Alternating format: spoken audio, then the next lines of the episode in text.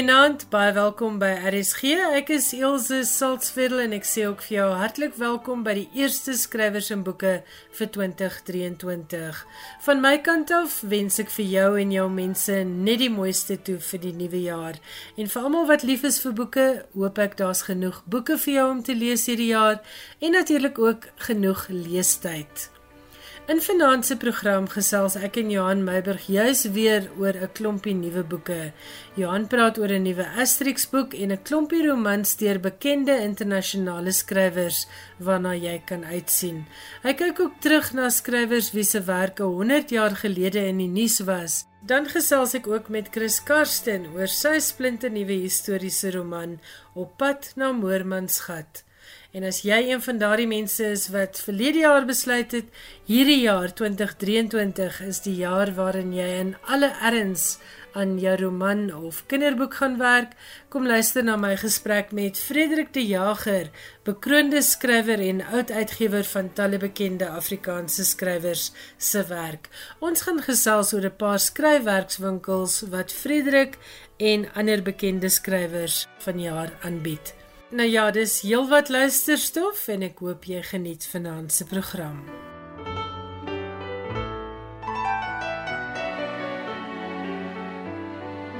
Johan Meiber gaan vir ons die baan open met nuus oor 'n splinternuwe Asterix boek. Die 40ste boek in die Asterix reeks, ook bekend as Die Avonture van Asterix, verskyn vanjaar uit die pen van die Franse skrywer en strokiesprentskrywer Fab Caro. Die eerste Asterix boek oor die manhaftige krygers van 'n klein Galliese dorpie wat die magtige Romeinse ryk gereeld laat les op sê, weliswaar met die hulp van 'n geheime konkoksie wat hulle brou, het in 1959 verskyn. Die skrywer was toe die Frans-Belgiese René Goscinny en die tekeninge is gedoen deur Albert Uderzo. Na die dood van Goscinny in 1977 het Uderzo tot en met 2009 voortgegaan met die teken en skryfwerk toe hy die auteursregte aan Hachette verkoop het. Uderzo is in 2020 dood. In 2013 is die dienste bekom van Gianni Ferri as skrywer en Didier Conrad as illustreerder. Die laaste uitgawe, die 39ste, het in Oktober 2021 verskyn. Die 49-jarige Fabkaro is bekend vir sy absurde aanslag en humor en alle oë is op hom om die tradisie van die onoorwinnelike Asterix voort te sit. Ek is gek oor Asterix, het Fabkaro gesê. In my oogmerk is om getrou te bly aan al die kwaliteite wat Asterix so aantreklik maak. Ek wil getrou bly aan die karakters soos ek hulle leer ken het, met al die anakronismes en woordspelings waarvoor die reeks al so bekend geraak het. Baie dankie Johan. Jy luister na skrywers en boeke, jou belangrikste bron oor Afrikaanse boeke. Chris Karsten is nie 'n onbekende naam hier by skrywers en boeke nie en sy aanhangers sal ook weet dat geen twee Chris Karstens romans dieselfde is nie. Chris verras met elke boek en so is dit ook hierdie keer met sy splinternuwe historiese roman Op pad na Moormansgat. Ek het met Chris gesels om die storie agter hierdie verhaal te hoor.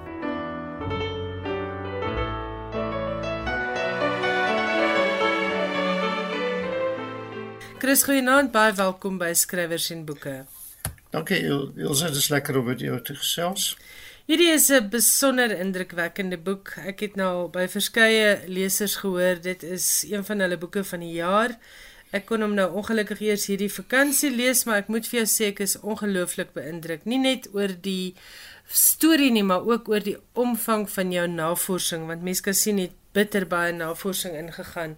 Nou in kort, dit is basies die storie van Koos Dallarey, Billy Foster van die Foster bende en dan Billy Foster se biologiese dogter wat later bekend staan as Helena Breitenberg, maar dit is ook die verhaal van die 1914 rebellie, dinge wat vir my kon gewees het. Daar's 'n stukkie Anglo-Boereoorlog in. En daar's dis net 'n ongelooflike boek met baie baie lyne wat jy uiteindelik baie goed bymekaar trek. So vertel vir ons, wat was die prikkel vir Moormansgat? Ek het maar altyd, jy weet, soos jy, ehm um, stel ek ook in die geskiedenis belang. En ek het ehm um, ook gelees oor die Forsterbende, jy weet, almal weet van die Forsterbende of hulle het uh enigiemand wat 'n geskiedenis belangstel sal daarvan weet hoe hulle 'n rol gespeel het in Koostellery se dood. En ehm uh, ek het toe besluit ek gaan 'n bietjie weer kyk, jy weet, wie wie is die Forsterbende? Uh, uh, hulle word jy weet uitgemaak as hierdie woeste moorddadige klomp mense en ehm en toe kom ek agter maar dit is 'n bietjie anders dat die werklikheid is 'n bietjie anderster as as as die biete wat rondom die rondom die Forsterbende ontstaan het. En uh, dit het vir my in die ding gesit en veral toe ek 'n foto sien van Willie Forster se vrou wat daar by die Kensington koppie aankom waar hulle op die ou in 'n grot vasgetrek is en op haar skoot kom sy daar aan Peggy Forster met 'n babatjie. En die babatjie het my toe laat wonder want ek weet toe wat gebeur het. Ek weet dat Peggy Forster saam met haar man in die uh, ander rampokkers dood is. Maar wat het van die baba geword? Jy weet en uh, en ek het 'n bietjie probeer nalees en daar was nie veel nie. Ek kon nie veel van haar vind nie. Dis uit het verdwyn totdat ek 'n uh, 'n kort beriggie raak geloop het wat in die huisgenoot in 1965 verskyn het waarin sy skielik opgeduik het en toe weer verdwyn het. En uh toe ek besluit ek gaan maar die storie en jy weet rondom die feite wat ek het skryf en 'n bietjie my my verbeelding daarbey gebruik soos 'n soos dit 'n goeie fiksie skrywer betaam. En dit is waar hy ontstaan het. En hoeveel hiervan is dan fiksie en hoeveel is waarheid? Ek weet die dele oor die Anglo-Boereoorlog, oor Dallery, oor die Fosterbende self is waarheid, maar Helena se lewe, is dit 'n verbeelde lewe of um, kon jy feite kry om om te staaf wat jy oor haar skryf? Ek het agtergekom dat sy eh, ek nou praat ek nou praat ek van die feite dat sy getroud was met 'n polisieman in Tarkastad en dat sy toe later betrokke was by 'n kerel met die naam van Andrius Du Plessis wat ook 'n so klein tydse dief was uh, daar in die Oosrand. En uh, en sy het by hom betrokke geraak. Hulle was minnaars en hy het haar ingetrek in sy onderduimsede. En uh, hy is toe by ou en daar's toe boorde gepleeg. Uh, sy geskiedenis is ook bekend uh, en die feit dat sy betrokke was by hom is ook bekend en hy is toe later tereggestel en na sy teregstelling het het sy weer net verdwyn van die aardbol af. So baie van die feite wat ek gekry het oor haar het ek net maar so bietjie my verbeel oor hoe haar lewe sou verloop het. So dis moeilik om te sê wat is feite en wat is nie feite nie, maar dit is so 'n soort van 'n biografiese fiksie wat ek rondom haar probeer skep het. Daar's 'n wonderlike stuk heel agter in die boek wat ehm um, En ek wil vir lesers sê lees elke woord in hierdie boek want hulle is almal belangrik. Maar heel agter in die boek is daar 'n agtergrond uh waar 'n belydenis afgelê word by 'n speurder en dit is vir hom so groot dat hy later teenoor 'n joernalis van die huisgenoot daaroor praat. Is dit ook literêre vryheid wat jy daar gebruik het om hierdie bekendtenis deel van jou storie te maak of kon jy dit werklik bind aan jou verhaal? Nee, dit is 'n 'n baie belangrike deel van die hele verhaal. Ek wil nou die jy weet te veel oor die bekendtenis sê. Nee, ek wil ook lees, nie mense ja, moet gaan lees. Ja, hulle moet hom maar lees, maar dit is dit is die bekendtenis is eintlik die kern om wie ek ehm um, Helena gebou het, jy weet. En daarvandaan af weet ek so 'n bietjie uh, my verbeelding gebruik soos ek sê want uh, daar's so min oor haar bekend om haar as 'n volronde mens uit te beeld moes ek 'n uh, 'n bietjie digterlike vryheid gebruik op plekke om die, om die feite aan te vul. Goed, hierdie storie is eintlik ook 'n belangrike storie in die geskiedenis van die Afrikaner Aan die einde van die boek het ek gewonder hoe sou die geskiedenis verloop het as daar nie 'n Billy Foster was nie. Want dit is eintlik soos jy net gesê het, klein misdade wat uiteindelik die verloop van die geskiedenis verander. Hierdie is ook 'n boek oor grond, mense wat veg vir hulle grond, hulle grondwortele in elk geval ontneem op verskeie vlakke. Dis nie net die Afrikaner wat grond verloor het en wat vir grond geveg het nie. Hoe menge mens geskiedenis en fiksie dat dit so lekker leesbaar en interessant is? Hoe lank het jy aan hierdie boek gewerk? Ek het seker in totaal 10 jaar so in die agtergrond nagelees en navorsing gedoen Uh ook terwyl ek nog in Kanada gewoon het, ek het iemand gekry wat vir my gehelp het by die Nasionale Argief in Pretoria. Al die verslae, die regterlike verslae oor Delary se dood en die ondersoeke na die rebellie, die oorsake van die rebellie en getuienis van van mense voor daardie regterlike kommissie. Sy het kon vir my die goed in die hande kry en sy het dit vir my oorgestuur. En toe ek teruggekom het, het ek weer self ook in die nasionale argief gaan sit. Maar ek het al hierdie goed gedoen, jy weet, so 'n soort van op die agtergrond terwyl ek nou by krimmies geskryf het. So ek het nie die finansiële weelde gehad om alles op sy te sit en 10 jaar aan 'n boek te werk nie.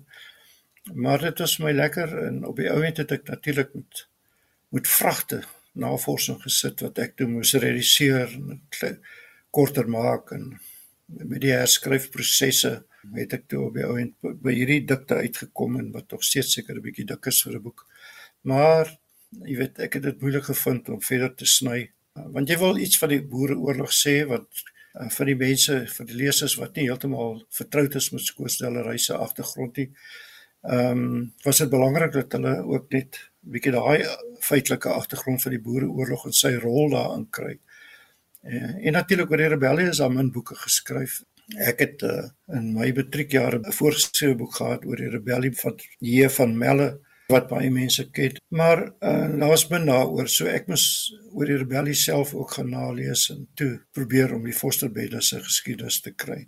So dit was 'n lang proses, maar ek dink die boek het goed soos een van my ou redakteurs altyd gesê het, het goed uit die verf uitgekom in die sin dat elke karakter wat in die boek ter sprake is, is met 'n doel daar, jy weet, as 'n motivering vir Koosdellery se optrede, vir die rebelle se optrede, geen karakter is sommer net gebruik nie. Elkeen het 'n bepaalde doel in die boek. Jy vertel ook die storie uit die oogpunt van verskeie karakters wat 'n stukkie van hierdie geskiedenis vertel. Dit is bekende mense, maar dis ook onbekende mense. Daar is boeregeneraals, hulle vrouens, daar's totale onbekende mense en almal se storie vorm uiteindelik hierdie groot tapisserie wat op pad na Moormansgat vorm. Die skryfmetode, die feit dat jy verskillende goed toegedig het aan verskillende mense en verskillende mense goed laat vertel het om die uiteindelike storie te skep. Was dit bewuslik? Was dit iets wat jy na 10 jaar se gesukkel met al die navorsing op besluit het of het dit spontaan gebeur? Uh, nee, ek wou dit van die begin af so vertel het. Ek wil ander mense aan die woord gestel het, jy weet.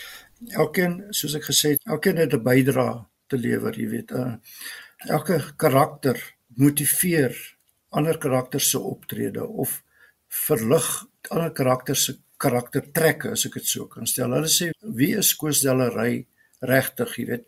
Sy vrou Nonnie het in al haar geskrifte het sy regtig nooit iets oor Koos as mens geskryf nie. Sy het hom nooit beskryf hoe hy lyk nie. Dis asof sy net aanvaar dat mense sal weet dat hulle twee besondere hegte band het, maar sy sy het nooit uh, intieme besonderhede oor haar man kwyt geraak nie. En in dieselfde van met hom, jy weet, hy het nooit oor haar stories vertel nie. Hy het nie vertel hoe lief hy haar het nie. Sy het nie vertel hoe lief sy vir hom is nie. Mense moes maar met uh, agterkom en ek het ander karakters gebruik wat hulle goed geken het, soos Jan Smuts en Louis Botha en van die mense wat saam met Koos Delary in die oorlog was, jy weet, ek het hulle gebruik om uit hulle geskrifte en uit wat hulle gesê het en briewe wat ek gelees het wat hulle vir mekaar geskryf het wou ek op daardie intieme persoonlike beeld opbou van wie Dellery regtig is jy weet die mens Dellery die pa. Ek het baie van daai inligting uit briewe van van Jan Spitz gekry. Hy was 'n groot briefskrywer en, en veral hy en Emily Hophouse het aandoenlike briewe vir mekaar geskryf. Jy weet sy was vir hom soos 'n vaderfiguur en sy het belydenis aan hom gedoen en hy het vertel van hoe swaar hy kry met die druk wat op hom is tydens die rebellie. Almal het hom en Louis Botha afgekraak en verguis die Afrikaners. So jy weet om al daai goed te lees en dit uh in die mond van karakters te lê was was vir my baie belangrik. Ek wil nie as skrywer die goed sê nie, jy weet dit moet uit ander mense se bronne gekom het. Moormansgat is ook 'n storie van sterk vroue het ek agtergekom. Daar is uh soos jy nou reeds genoem het Nonnie Dallary, Emily Habaus, die vroue wat belig word in die konsentrasiekampe. Elena Breitenberg is ook alles behalwe swakkeling en dan die klein fyne Peggy Foster het haar eie verhaal van seer en swaar kry, maar ook van van selfbesluit wat sy wil doen. En dit het my ook laat dink aan Frats. Jy skryf graag oor um sterk vroue ook in jou krimmies. Um jy's nie bang om oor sterk vroue te skryf nie. Hoekom? Ja, ek dink ek het uh, ek het 'n bewondering vir sulke vroue, jy weet, dit dit is maar die enigste rede hoekom ek dit doen. Ja, en Ella Neser is ook 'n sterk ja, vrou. Jou karakters ja. en jou krimies is ook sterk vroue. Ja, nee, dis maar ek het net 'n bewondering vir sulke vir sulke mense. Jy weet of dit nou sterk vroue of sterk mans is, maar veral vir vroue wat weet wat bereid is jy weet om hulle kant te bring en uh, nie terug te duins vir enigiets om so 'n karakter te gebruik gaan jou iewers bring. Ek wil vir jou komplimenteer met die boeke wat jy skryf wat so verskriklik uiteenlopend is. Ek verslind elke boek wat uit jou pen verskyn. Ek dink nou aan Man van min belang wat afgespeel het teen die agtergrond van die Waarheids- en Versoeningskommissie. Dan is daar natuurlik Abel Lots, daar's al die ander Ella Neser ehm um, speurromans tussenin. Moormansgat, die lys gaan net aan en aan en elke boek is anders en met elke boek vind jy 'n ander invalshoek. Twee van jou krimies is nooit dieselfde nie. Hoe kry jy dit reg? Want dis nie baie skrywers wat nie resepmatig kan skryf nie en tog steeds so produktief kan skryf. Dis ook 'n 'n doelbewuste besluit wat ek van die begin af geneem het. Ek het begin met twee jeugboeke. Ek het ek Frats aangepak wat gebaseer was op die lewe van Saartjie Bartman. Daarna het ek 'n klomp nuwe fiksieboeke geskryf. Ek gebruik altyd die beeld vir myself, jy weet. Ek wil nie soos 'n bakkiespomp donkie net al oor die rond beweeg met dieselfde ou tema nie. En ek het dit besluit na die kribbies dat ek gaan nou weer 'n slag bietjie afsien van die bloed en derms en 'n bietjie kyk na die geskiedenis of daar nie vir my iets lê nie. Miskien sal ek weer 'n slag later by die historiese fiksie uitkom want dit is vir my baie lekker om dit te doen. Maar weer eens wil ek nie daarin vasval nie. Jy weet ek wil probeer om my beskeie vlerke so wyd as moontlik te sprei. Ek hoop ek kan vir die lesers jy weet saam met die vermaaklikheid daarvan ook 'n bietjie inligting gee. Jy skryf baie produktief. Jy publiseer ongeveer 'n boek elke 18 maande of ehm um, ten minste elke 18 maande. Is jy 'n baie gedissiplineerde skrywer? Ja, ek probeer wees. Een groot skrywer het gesê die grootste taak van 'n van 'n skrywer of iemand wat 'n boek wil skryf is om sy sitvlak op 'n stoel te kry. So ek probeer daarby hou, so 'n soort van kantoorure vir myself bepaal, jy weet, sekere tyd en dan ek glo jy moet elke dag skryf. As jy wil 'n boek wil skryf of enigiets wil skryf, moet jy elke dag daai oefening doen. Al is dit net 'n 'n paragraaf of 2, net sy of dit Kersfees is of nie Kersfees is nie, jy skryf en jy lees. As jy nie skryf nie, dan lees jy. Want 'n skrywer wat nie lees nie, kan nooit daarin slaag om 'n boek te skryf. En dit is maar net my beskeie mening. Van lees gepraat, wat lees jy graag? Ek lees enigiets. Ek lees baie min krimmies. Ek hou van biografieë.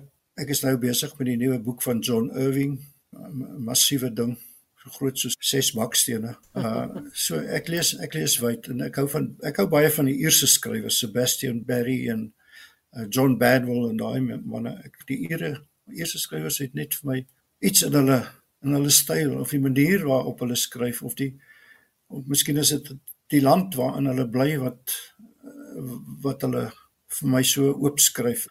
Maar soos ek sê, jy weet, ek lees baie min krimmies.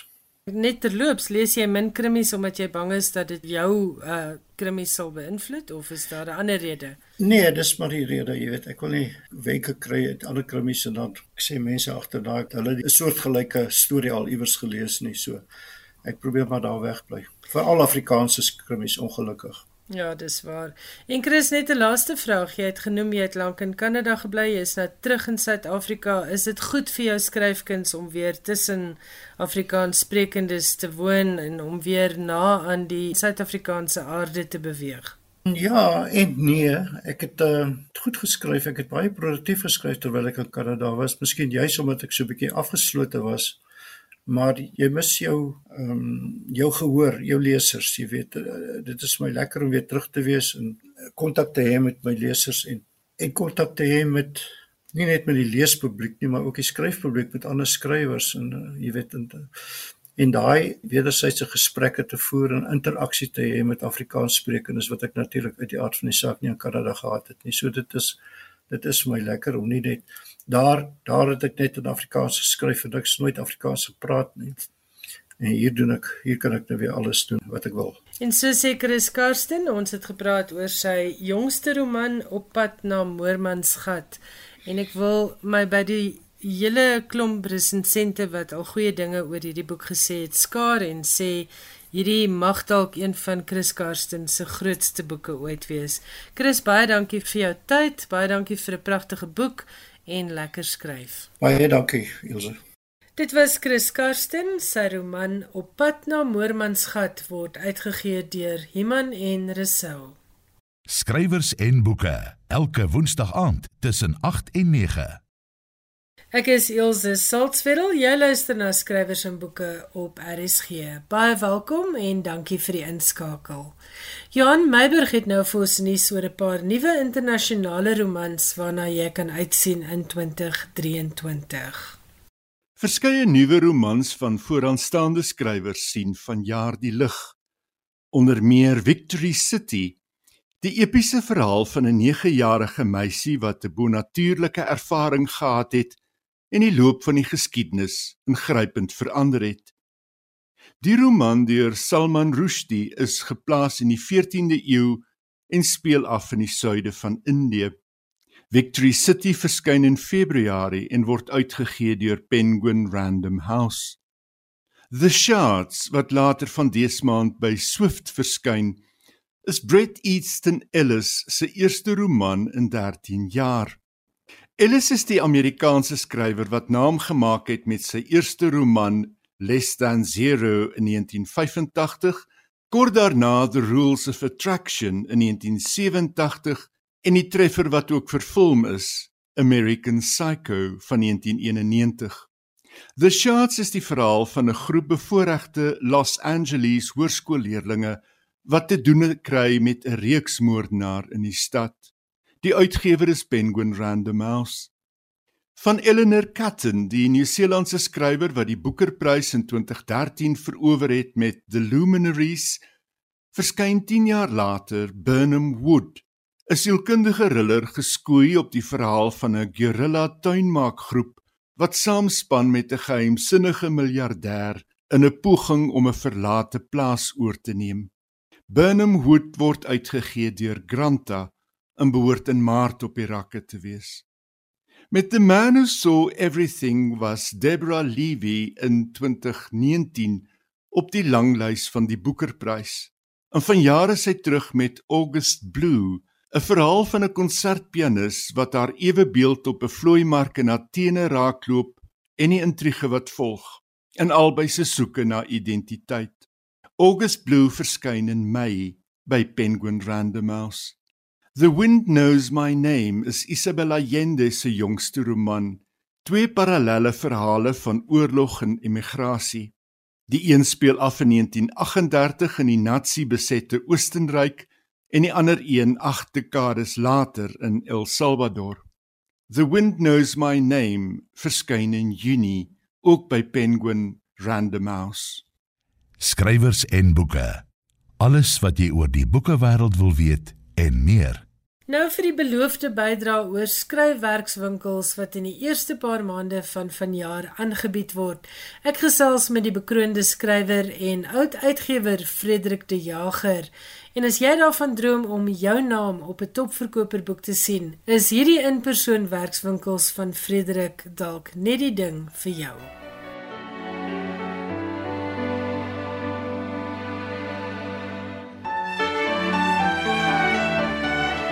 Baie welkom by Skrywers en Boeke. Ons praat vanaand met jou in jou danigheid as die organiseerder van wonderlike skryfskole. Julle noem julleself The Talking Table. En tot baie onlangs het The Talking Table hoofsaaklik op 'n Griekse eiland gebeur, maar nou is julle in Stilbaai. Vertel vir ons meer van die konsep en wat julle alles beplan vir Stilbaai.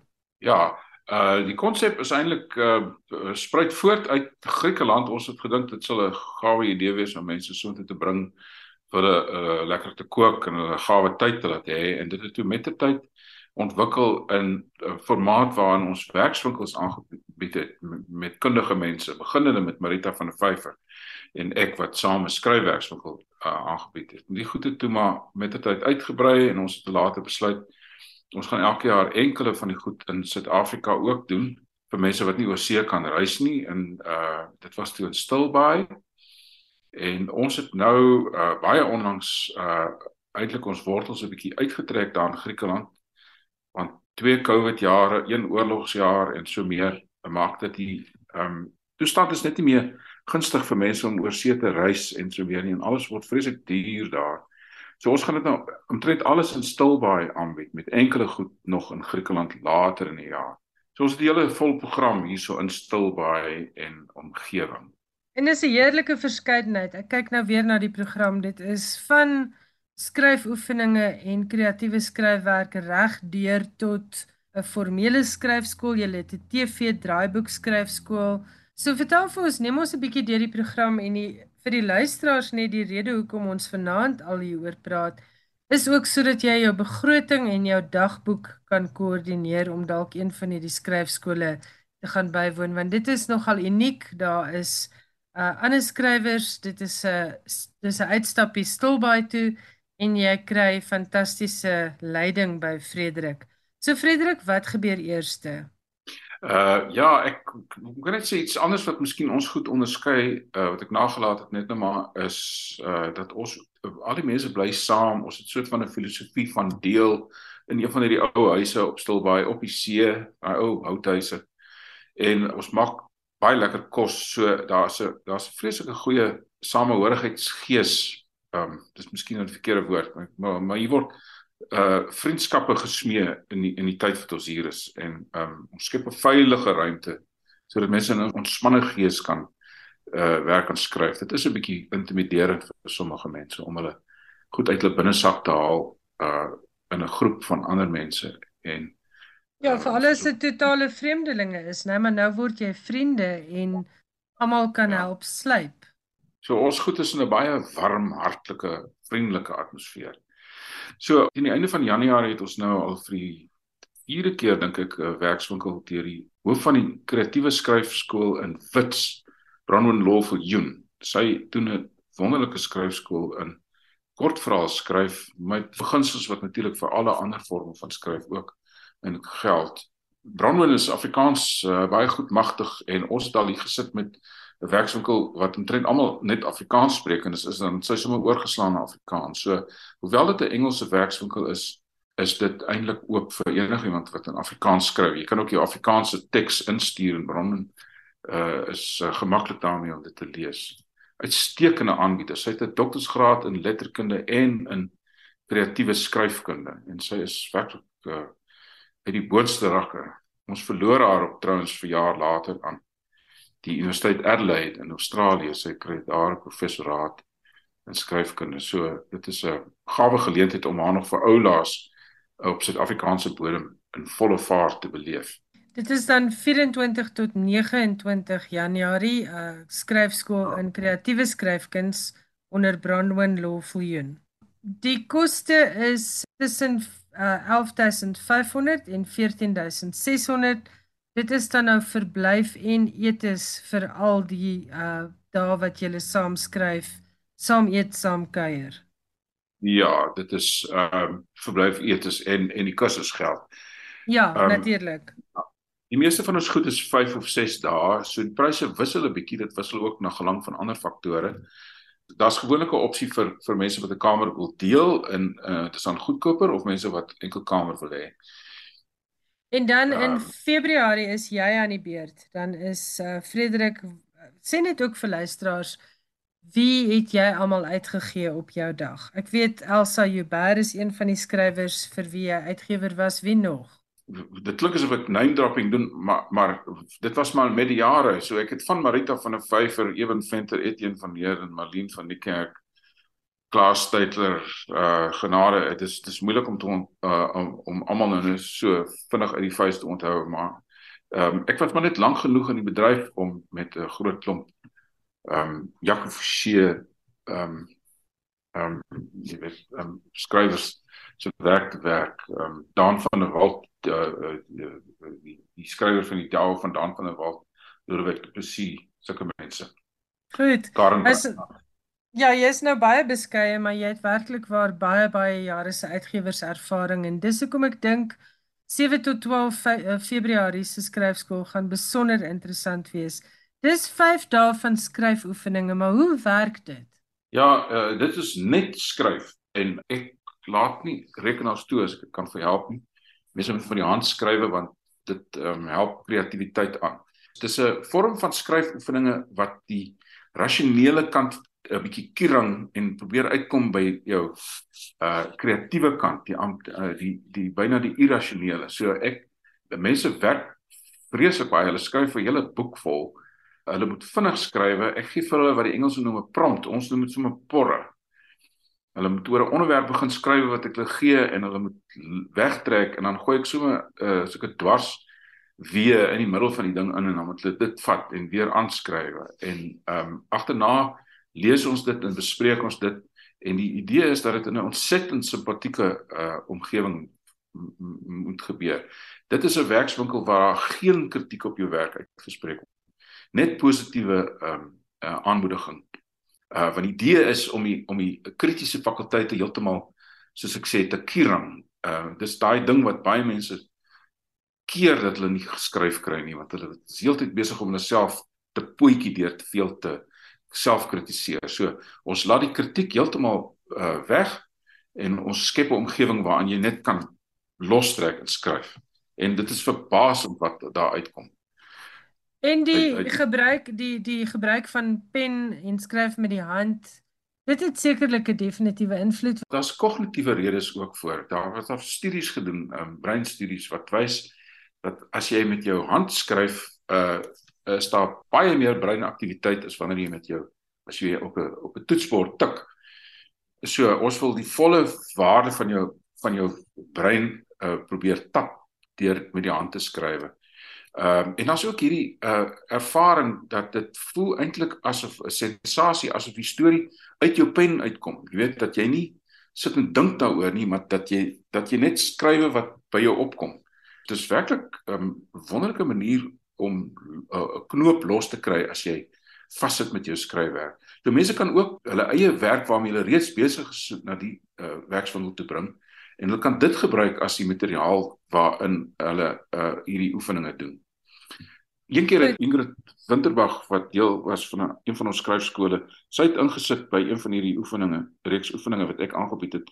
En daar is van die werk wat sy daar geskryf het wat sy opgeneem het in haar jongste roman. So, jy weet, daar kan werk van baie hoë gehalte daar uitkom. En die meeste mense is gewoonlik regtig verbaas oor wat hulle self geskryf het. Dit klink vir my nou 'n baie lekker skryfskool daardie datums net weer dit is 7 tot 12 Februarie 2023. En dan is daar weer einde Februarie die Winnie Rust Afrikaanse skryfskool. Jy en Ingrid Winterbag en Corneels Breitenberg is die aanbieders. Vertel vir ons daarvan. Dit was eintlik die eerste skryfskool wat ons in Suid-Afrika begin het in Stilbaai. Die Rus familie het 'n huis daar um, ook op die see en ons was goeie vriende met die familie. So dit was vir ons almal 'n geweldige skok toe sy doodgemaak is. Ek dink in 2016 of 17. En ons het toe die familie gevra of ons in haar eer 'n werkswinkel kan skep hier in Suid-Afrika met haar naam. So dit gebeur dan so dat ons aanbieders in in die Rus familie huisie die naam Lenaatjie tuis gaan en in die res van ons mense in van die ander verblyf en ons het dit uh, in die eerste paar jare aangebied met Corneels Breitenberg, Ingrid Winterbag en Eben Venter. Dit is nie vir Eben altyd moontlik om hier te kom in Suid-Afrika daardie tyd van die jaar uh, van Australië af nie. En hierdie jaar gaan hy vir ons later in die jaar 'n ding in Griekeland aanbied. So ek staan nou in vir Eben, dit is ek en Corneels en Ingrid.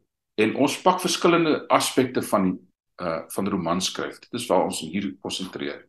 Ingrid werk met goed soos ruimte en karakter en dialoog en ander strategieë van skryf. Corneels bemoei hom 'n bietjie meer met die struktuur van die roman, die die vertelboë, openingsstrategieë, afsluitingsstrategieë en so meer. En uh omdat hy uitgewer was, vertel hy ook 'n bietjie van die pad wat jy gaan loop by 'n uitgewer. Jy weet hoe jy voor lê, wat is die beste soort werk om voor te lê en na wie toe om te stuur en so meer en so meer. en ek gaan uh, self 'n bietjie konsentreer op kreatiwiteit, maniere om jou skryfkuns te stuur en by die verrassende uit te kom en weet en, en wat wat van jou boek iets besonders uh, gaan maak. So die drie van ons sal jou hopelik wegstuur met uh nie met 'n roman noodwendig nie, maar hopelik met begeestering en 'n bietjie uh vaardigheid en um en vertroue om dit te gaan aanpak. Wel ek dink tussen drie bekroonde skrywers almal al meer as een keer bekroon, dink ek skrywers en aspirant skrywers het 'n goeie kans om met klomp inspirasie, heelwat aspirasie en heelwat praktiese kennis daar weg te gaan. Dit is dan 21 tot 26 Februarie, dit is die Winnie Rust Afrikaanse Skryfskool. Frederik de Jager, wat gebeur 7 tot 13 Maart? Dit is 'n gevorderde skryfskool. Wat is die kriteria hierso? Wel, uh uh ons werk hier met uh hoofsaaklik met lang langer vorm skryf alhoewel mense ook al kort verhale gebring het en daar gaan binnekort gepubliseer word. Um een van die mense wat een van die goed bygewoon het. Maar die die idee hier is dat ons werk met bestaande werk. Met ander woorde, jy is klaar met 'n boek of jy is ver gevorder of jy het uh minstens die begin drie hoofstukke en 'n en 'n idee vir 'n strategie. Ons maak dit 'n klein groep nie meer as 5 mense nie ek lees hulle werk vooruit, dan stuur dit vir my in. Uh dan stuur ek vir hulle kritiek en dan werk ons op daardie punte wat ek genoem het, swakpunte en sterkpunte wanneer hulle aankom. En uh hoe ons te werk gaan in die 5, 6 dae is uh dat ons ehm um, gesamentlike sessies het ehm um, in die oggende waar die hele groep bymekaar is en ons bespreek dan uh probleme en kwessies wat almal gemeen het. En dan um, neem ek elkeen van die skrywers vir 'n individuele sessie twee keer in die verloop van die werkswinkel in die agtermiddag van so uh, uh, omtrent 2 ure op 'n keer en dan gaan ons baie in diepte in die persoon se werk en ons kyk wat werk, wat werk nie, waar sit die persoon vas? Dit is amper 'n bieg sessie die persoon ehm um, kan vertel wat jy weet waarmee hulle sukkel, waar waarheen hulle wil gaan. Dan kyk ons watse moontlike remedierende oefeninge kan ons vir die persoon gee ek gee hulle oefeninge, hulle moet dit gaan doen en dan kyk ons weer daarna later in die week. Uh en ons probeer 'n strategie uitwerk van hoe om hierdie werk tot voltooiing te bring op die beste manier wat hy kan wees. Die probleme uh, wat mense ondervind is maar algemeen, ek het dit oor jare genoeg gesien. Hulle deel dit met uh, alle ander skrywers en ons ons weet daarom op 'n manier al wat oplossings vir die goed is en ons probeer hulle dan kry by oplossings waar hulle hulle eie boeke kan verder neem. En uh mense wat by hierdie werkswinkel was, beide wat ons hier in Suid-Afrika en in Griekeland gedoen het, het ook al hele paar boeke is ge gepubliseer nadat hulle deur die meule van hierdie werkswinkel is. Ek dink die onlangste een is uh Michelle Meyer se boek Moer wat 'n uh, baie goeie ontvangs gehad het.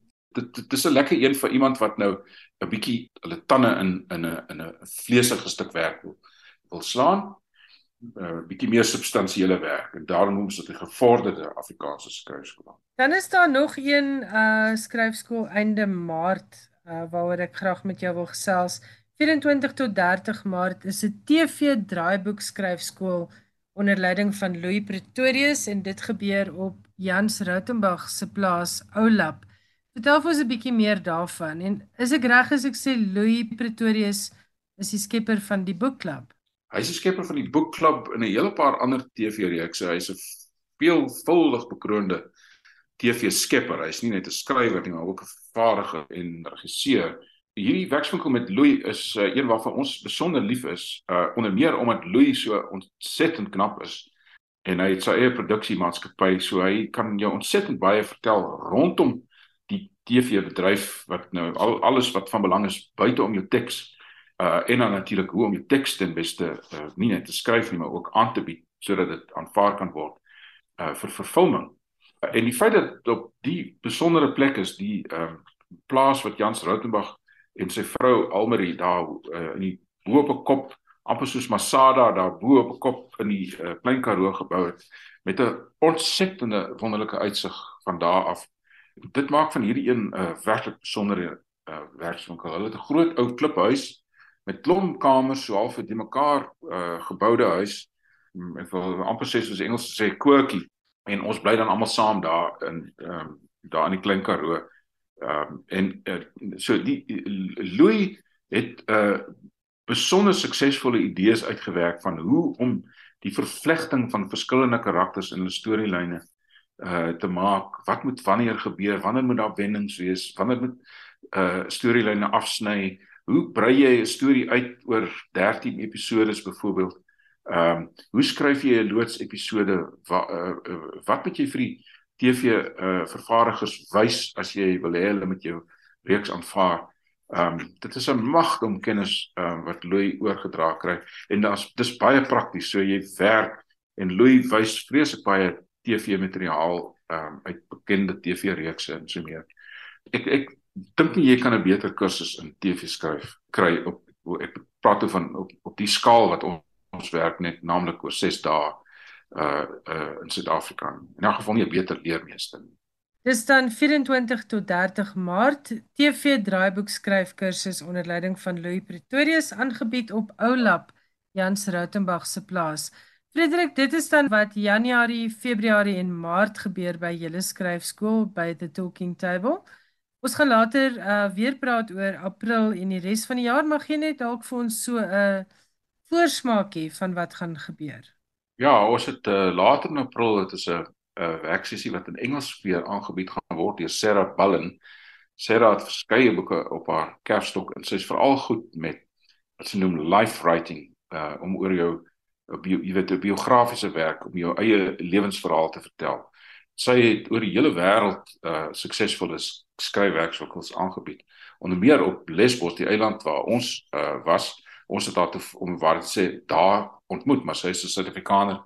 Sy's nou hier uitstekende werkswinkel. En dan het ons is ons baie bly dat ons uh, laat in Mei uh by Dani Maree, die digter Dani Maree, 'n uh, poësie werkswinkel gaan hê. Dis die eerste keer wat ons poësie het en uh ons is baie opgewonde daaroor.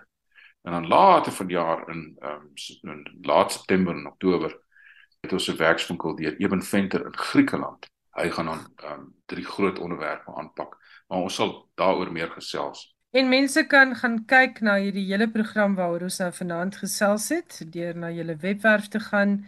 Dit is uh thetalkingtable.com of hulle kan vir jou e-pos stuur na info@thetalkingtable.com.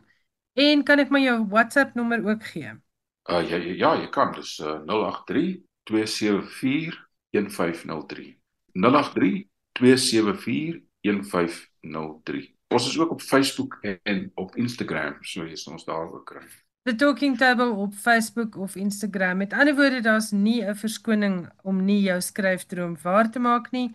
Ons het nou betyds gesê van hierdie aanbiedinge en begin nou begroot daarvoor en kontak Frederik vir meer inligting. Frederik, lekker skryf en ons sien uit na nog geskrifte wat daar by The Talking Table tot stand kom.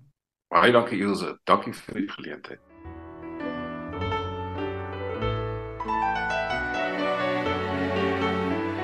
Johan Meiber gaan nou vir ons finansie program afsluit. Hy gesels oor skrywers en boeke wat vanjaar 'n 100 jaar gelede in die nuus was. Jy kan ook luister na 'n argiefopname waarin die digter W.B. Yeats sy gedig The Second Coming voorlees. Met die nuwe jaar wat so oop voor ons lê, het ek gaan kyk watter skrywers en boeke 100 jaar gelede in 1923 die kolle gehaal het. 1923 was die jaar waarin die Nobelprys vir letterkunde toegekend is aan die Ierse digter W.B. Yeats. En dit was ook die jaar waarin T.S. Eliot se gedig van die vorige jaar, The Wasteland, die eerste keer in druk verskyn het by Hogarth Press, 'n drukpers wat bedryf is deur Leonard en Virginia Woolf. Dis ook die jaar waarin die Amerikaans-Libanese digter en skrywer Khalil Gibran se bundel prosa gedigte verskyn het wat in meer as 100 tale, ook in Afrikaans, vertaal is as die profeet. Dis nie net Gibran se bekendste werk nie, maar ook een van die mees vertaalde boeke en uiteraard 'n topverkoper. Die boek was nog nooit uitdruk nie. 1923 was ook die jaar waarin die Switsers-Franse argitek Le Corbusier sy sienings omtrent argitektuur en ontwerp op papier gesit het in sy eerste en invloedrykste boek vertaal as towards an architecture. Met sy kop in die rigting van nywerheidsontwerp het hy onder meer verklaar 'n huis is 'n masjien om in te woon. In 'n loopbaan wat oor 5 dekades strek, was Le Corbusier nie net een van die baanbrekers van moderne argitektuur nie, maar ook van stadsbeplanning.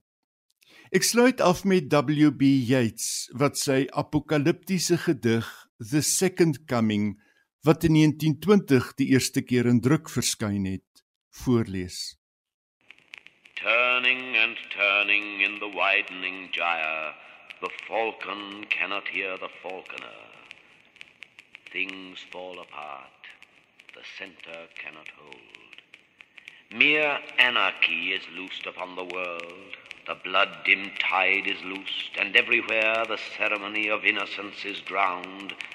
The best lack all conviction, while the worst are full of passionate intensity. Surely some revelation is at hand. Surely the second coming is at hand. The second coming. Hardly are those words out when a vast image out of Spiritus Mundi troubles my sight. Somewhere in sands of the desert, a shape with lion body and the head of a man, a gaze blank and pitiless as the sun is moving its slow thighs while all about it reel shadows of the indignant desert birds. The darkness drops again. But now I know that twenty centuries of stony sleep were vexed to nightmare by a rocking cradle. And what rough beast, its hour come round at last, slouches towards Bethlehem to be born. En daardie stem uit die verre verlede behoort aan WB Yeats en dit was die gedig The Second Coming. Baie dankie Johan Meiburg, interessante bydraes soos altyd.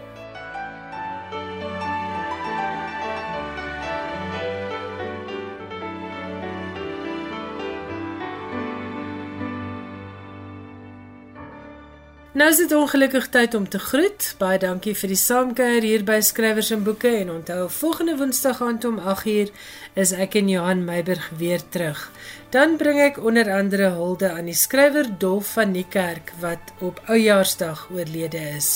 Totsiens tot volgende week.